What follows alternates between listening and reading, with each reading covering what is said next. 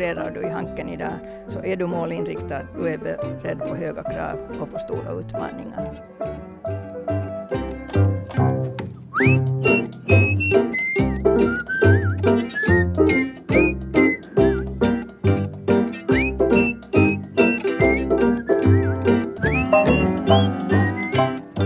Välkommen till podcasten Gyllene studietider på Hanken. Idag har vi äran att hälsa Veronica Wiklund välkommen till studion. Veronica, du studerade på Hanken 1958 till 1961 och gjorde efter det en mycket spännande karriär inom reklambranschen, vilket var ganska ovanligt på den tiden. Du har varit med om att bygga upp många välkända märkesvaror och du jobbade under en tid då begrepp som branding och brand image formades och fokusering på målgrupper och kommunikation blev det centrala i reklam och marknadsföring. Det ska vi prata mer om idag, men också om hur det var att studera på Hanken under din tid. Hjärtligt välkommen Veronica till vår Tack. podcast. Tack så hemskt mycket, roligt att vara här. Härligt att ha dig här. Tack. Vill du börja med att berätta för oss hur det kom sig att du valde Hanken och vilken inriktning hade du då när du började? Jag kunde svara hemskt kort med två orsaker, säga min ålder och min pappa. det måste jag nog förklara. Jag var 16 år när jag blev student och jag började, hanke, och började Hanken och hade inte fyllt 20 när jag blev färdig diplomekonom, som det hette på den tiden. Och min kloka pappa ansåg att jag skulle ha en bra utbildning Mm. Och mer eller mindre styrde mig till Hanken. Han tyckte väl att jag inte var mogen för sådär ostrukturerade unistudier. Alltså det var inget medvetet yrkesval, utom förstås att jag valde ekonomlinjen, inte korrespondentlinjen. Det var de två alternativen 1958 när jag skrevs in. Och lika lite speglade min inriktning, det vill, säga, det vill säga mina ämnesval, något mål i fråga om kommande karriär. Mm. Mina ämnen var nationalekonomi, statsvetenskap, statistik och det blev alltså en typisk unistudiemix. Och så kan man ju fråga sig varför när jag skrevs in i Hanken. Men det fanns inte så hemskt mycket att välja på. Utöver det här var alternativen företagsekonomi 1 och 2, det vill säga redovisning och marknadsföring. Redovisning visste jag säkert att det inte var för mig. Och marknadsföring var helt nytt och kändes väldigt flummigt, vilket det säkert också var för 60 år sedan. Men ironiskt nog så blev ju sen min hela yrkeskarriär och inriktning marknadsföring. Det kan man ju lugnt säga, Ja, det var ganska ja, lustigt. ja. Roligt. Och så frågade de om studielivet, var det det Ja. du ville att vi skulle fortsätta med här? Då, då tänkte jag just att du Ja. kan berätta lite för oss att hur, hur det var på din tid, studielivet. Ja, jag gick som sagt på ekonomlinjen, som då var en typisk pojklinje av över 70 inskrivna. Flickorna blev alltså korrespondenter av över 70 inskrivna på ekonomlinjen var vi 11 flickor. Man studerade precis som i skolan med läsordning. Föreläsningsnärvaron var obligatoriskt. Och man satte upp lite anteckningar för blindkära livet. Det mest visuella lärarna kunde använda var då svarta tavlan och krita. Då var vägen ännu väldigt lång, till och med till overheads. Ja. Man kan ju faktiskt fundera över hur en coronapandemi skulle ha hanterats för 60 år sedan, för vi satt fysiskt här långa dagar. Och när man hade tenterat så samlades man framför anslagstavlan i väntan på att en lista skulle komma upp med resultaten. Gick upp till professorns mottagning för att få en påteckning i studieboken. Man stod Mm. och hade audiensprofessorn eller läraren. Den studieboken hade du med dig idag? alltså jo, jag ville visa upp den för jag tror att den är ganska ett, en relik från forna tider, så att den kan ju vara lite vitsig. Verkligen, det finns bild på den också som Ja. man kan titta på. Det är hur den ser ut. Ja. Och man valde sina ämnen, det hette då kurser på nivåerna en röst, två röster och huvudämnena var tre röster. Så läste man en massa obligatoriska ämnen, kemi och varukunskap, språk förstås, till och med ett ro- romanreferat på engelska, eller ingick i mina engelska studier för tre olika lärare. Maskinskrivningskurs, kurs i maskinell bokföring. Jag tror att den här bokföringen var den sista påteckningen jag fick innan diplomutdelningen, för jag upplevde den så totalt omotiverande. Så att det här är väl kort, vi gick i skola helt enkelt, Ja. med inga tekniska hjälpmedel, inga visuella hjälpmedel. Det Precis. ja. Ganska mycket har ändrats sedan dess. Ja. Har du någonting, ehm, hur var liksom festlivet? Fanns det det? Det fanns kårliv och festliv. Jag var aldrig aktiv i studentkåren som, som i några styrelser. Jag var väl för inriktad på att studera. Kanske det berodde på att jag var så ung så jag måste jobba ganska hårt för studier. Men Mm. visst var det festliv och visst deltog jag i kår, kårlivet. Det var mycket, mycket aktivt. Det fanns den berömda ölkällaren där man satt Mm. och, och många satt där för mycket. Men, men det där eh, och årsfester och allt. Jo, klart att festlivet var, var det hör ju till en studietid. Det kan man Precis. inte, och jag, miss, jag missade ingalunda. Härligt. Och hur var det på, åt man lunch här? Man åt lunch, det fanns, jag vet, matsalen fanns här, man betalade ja. lunch, säkert var den inte lika subventionerad som på i dagens mm. studieliv. Vi betalade för lunchen när man åt lunchen här, för det blev ganska långa dagar. Man blev kvar på biblioteket mm. och läste, så att mat, maten var helt okej. Inte kommer jag ihåg att det skulle varit något problem. Um, och det, hur var det liksom, var det ett socialt sammanhang där vid, i matsalen? Var det man, man jo, man sökte sina bord och ibland hade man tur och fick sitta med någon professor och äta, eller han kom till ens bord. Men, men nu satt man ju vanligen med sina kompisar och sökte upp varandra. Nu var det en social stund. Det var, det var väl nog en ganska inrutad matrast om jag minns mm. rätt. Så alla åt mer eller mindre samtidigt. Just det. Har du någon rolig anekdot som du kunde dela med dig av jag, tänkte lite på anekdoter, för det hör ju alltid till, men jag tror att det här jag berättar om mina studier, mitt studieliv, det blir nog i dagens studerandes ögon, kanske öron, den bästa anekdoten. För det, blir nog. det ter sig idag ju nog väldigt, väldigt antikt. Ja, det var intressant det du sa om att hur skulle det här ha gått ja, under coronapandemin, precis, det kan man ju precis, bara ja. med fantasi tänka ut. Veronica, du hade som sagt en spännande karriär inom reklambranschen och ditt första jobb var på Tauher Reklam där du stannade i många år. Och sen var du marknadschef på Stockman och efter det bland annat vice VD för reklambyrån Vomena och vice president för Liketoiminta McCann.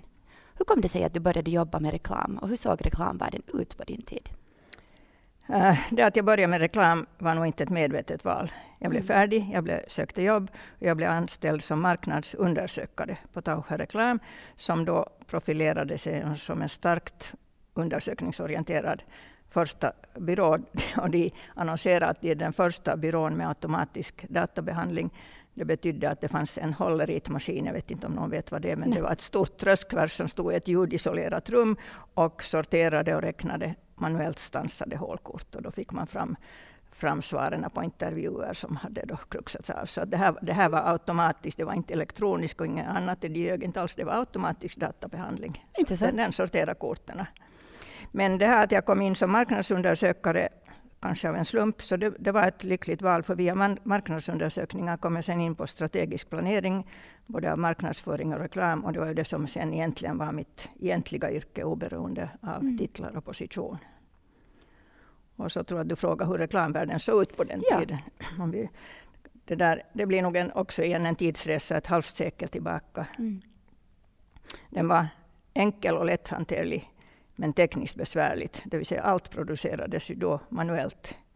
Enkel så tillvida att mediaurvalet var begränsat till tidningar och TV. Mm. Mainos-TV grundades först 1957. De sändes svartvitt någon timme per kväll inhyrd i Yles kanaler. Och det fanns massor med regler och förbud och begränsningar om reklamens innehåll och utformning. Redan då började man med läsar och tittarundersökningar för att få en faktabas för medieval. Men det var mycket elementärt. Sen har ju tekniken revolutionerat allt. Både produktion, publicering, media. Och det behöver jag inte gå in på. Mm. Men det som jag upplever som en stor skillnad, och det är igen en mycket elementär sak, det är tidsfaktorn. Att planera, producera och publicera en reklamkampanj tog månader. Att få mått på resultaten med undersökningar och mätningar tog också evigheter. Ja. Som jag sa, så Skisserna, originalerna för annonser och trycksaker producerades för hand, alltså tecknades, klipptes och klistrades. Att producera en reklamfilm, konkret att filma och klippa ihop den och förse den med spikning, det kunde ta månader. Tryckerierna behövde fyra veckor för fyrfärgstryck. Inlämningstiden för annonser och tv-filmer var veckor och så vidare. Och tänk bara på den fysiska sidan. Allt transporterades fram och tillbaka mellan kunden och byrån, mellan byrån och media. Allt med stafettkraft. Allt tog tid. Och jag kommer nog ihåg det som en evig kamp med deadlines. Du har varit med om att bygga upp många kända varumärken och skapat deras brandimage. Till branden som du har jobbat med hör till exempel Paulig, Fazer, Viking Line, Hackman och Nokias föregångare Mobira. Hur lät diskursen kring branding och imagebyggande på den tiden? Ja, alla de här är ju ännu starka brand i en form eller en annan. Och innan jag går in på det så skulle jag ännu vilja gärna nämna Procter Gamble som jag också arbetade med, både som marknadsundersökare och reklamansvarig.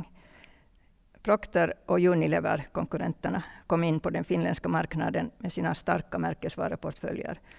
Att arbeta med dem ansågs vara en märkesvaruskola. Det la nog grunden till min professionella märkesvaruinriktning.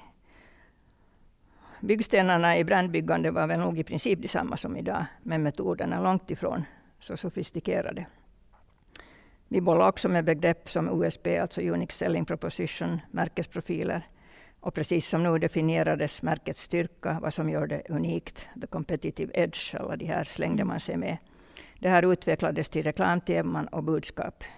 Också då baserat på konsumentundersökningar, attityd och imageundersökningar.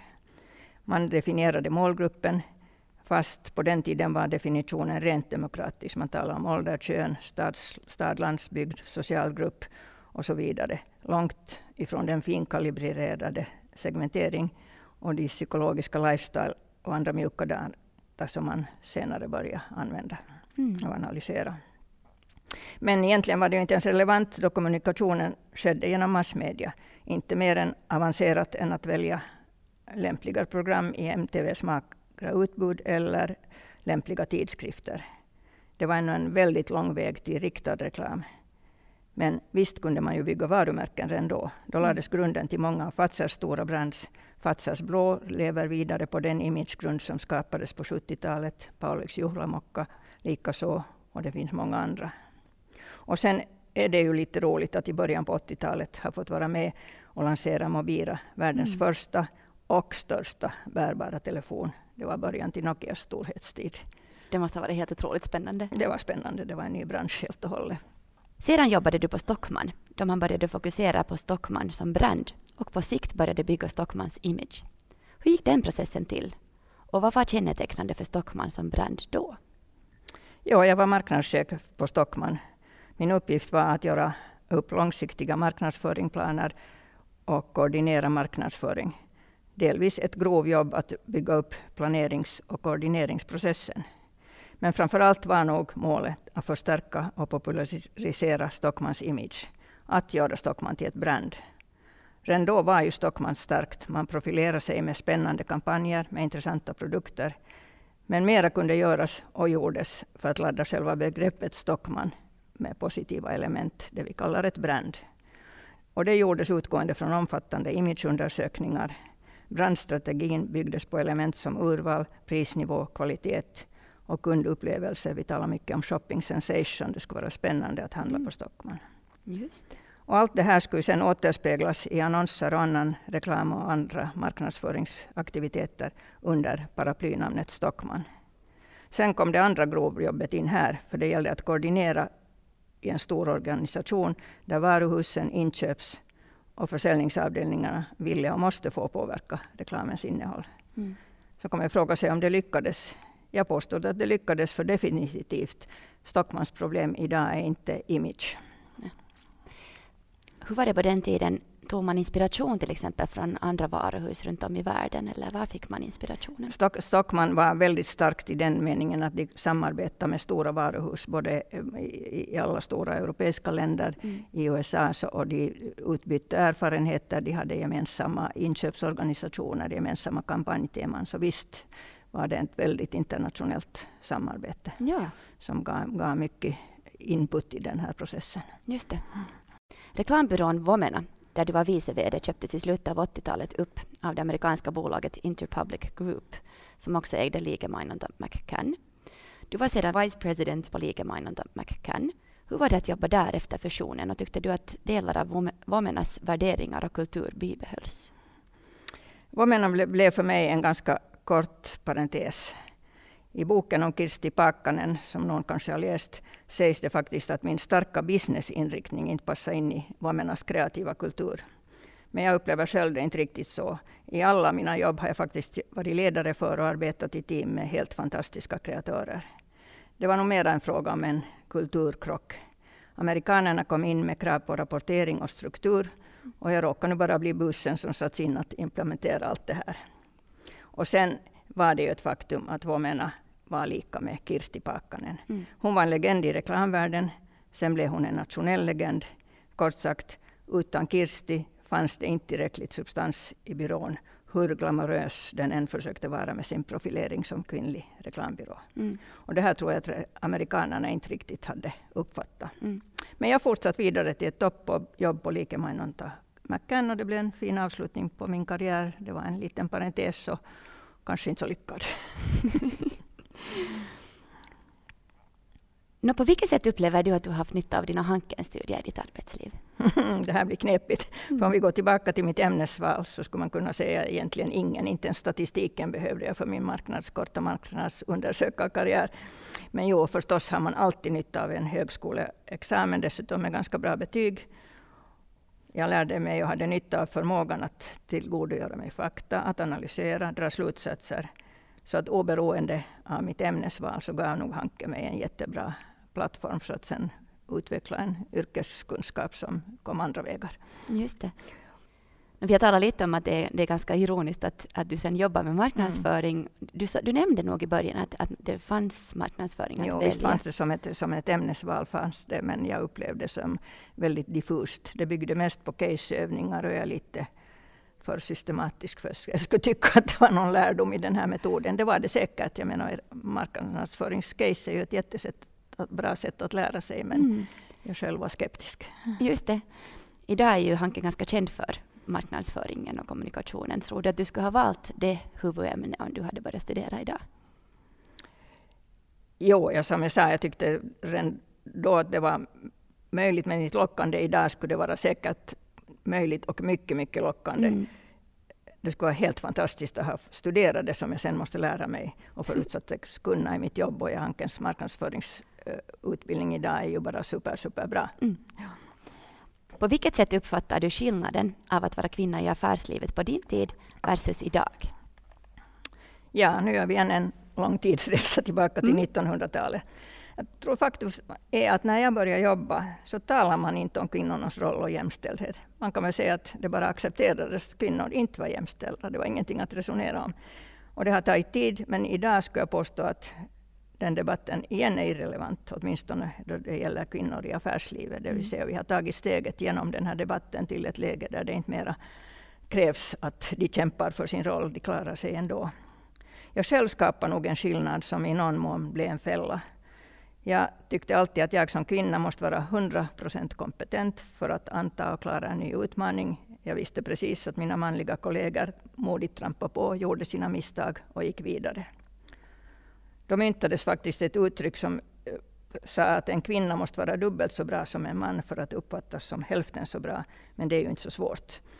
Och den, promo, också den provokativa kampandan kommer inte att behövas mera idag. Nej. Det blev nog lite ett skämt det där. Men redan på min tid var nog reklambranschen kanske mera open-minded, men ändå med fördomar. Kvinnor var lämpliga då det gällde produkter med kvinnor, husmödrar som målgrupp, kosmetik, hushållsartiklar, mode och så vidare. Mm. Jag skulle introduceras som kontaktdirektör för Mobira. Och kundens könsrollstänkande var typiskt. En teknisk produkt kräver en manlig samarbetspartner. Byrån hade ingen lämplig att erbjuda. Jag skulle ha jobbet så jag klädde mig i kostym och slips för presentationen. Och det var början till ett fint kundförhållande. Och jag tror faktiskt inte ens att det berodde på slipsen. Ja.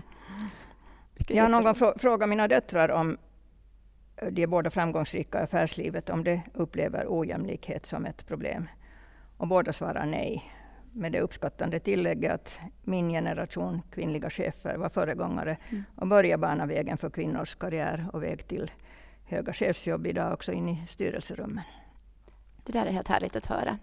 Det känns lite som att du har, du har gjort en ganska... Du har banat vägen för oss. Tack för det, Veronica. Mm. Vilket råd skulle du nu ge till den unga Veronica som började studera ekonomi vid Svenska Handelshögskolan 1958? Och skulle det rådet låta lite annorlunda till en av dagens studeranden? Mm, visst skulle den eh, gamla Veronica ge råd åt unga, den unga Veronica, men med facit i hand så gick det ju egentligen ganska bra. Mm. Men jo, jag skulle ha behövt råd. I korthet, var mera målinriktad, sikta högre, anta utmaningar. Kort sagt, våga mera. Och samma råd skulle jag kanske, eller ska vi säga så här, jag skulle kunna ge det här samma rådet idag till Hankens studerande, men jag är övertygad om att det inte behövs. Studerar du i Hanken idag så är du målinriktad, du är beredd på höga krav och på stora utmaningar. Så att gamla Veronica har ingenting att bidra i det avseendet. Med de orden är det härligt att avsluta den här pratstunden med dig. Tusen tack Veronica för att du gästade vår podd. Det var härligt att få dig här. Tack, det var roligt att vara tillbaka i Hanken. det var det säkert. Tack så mycket.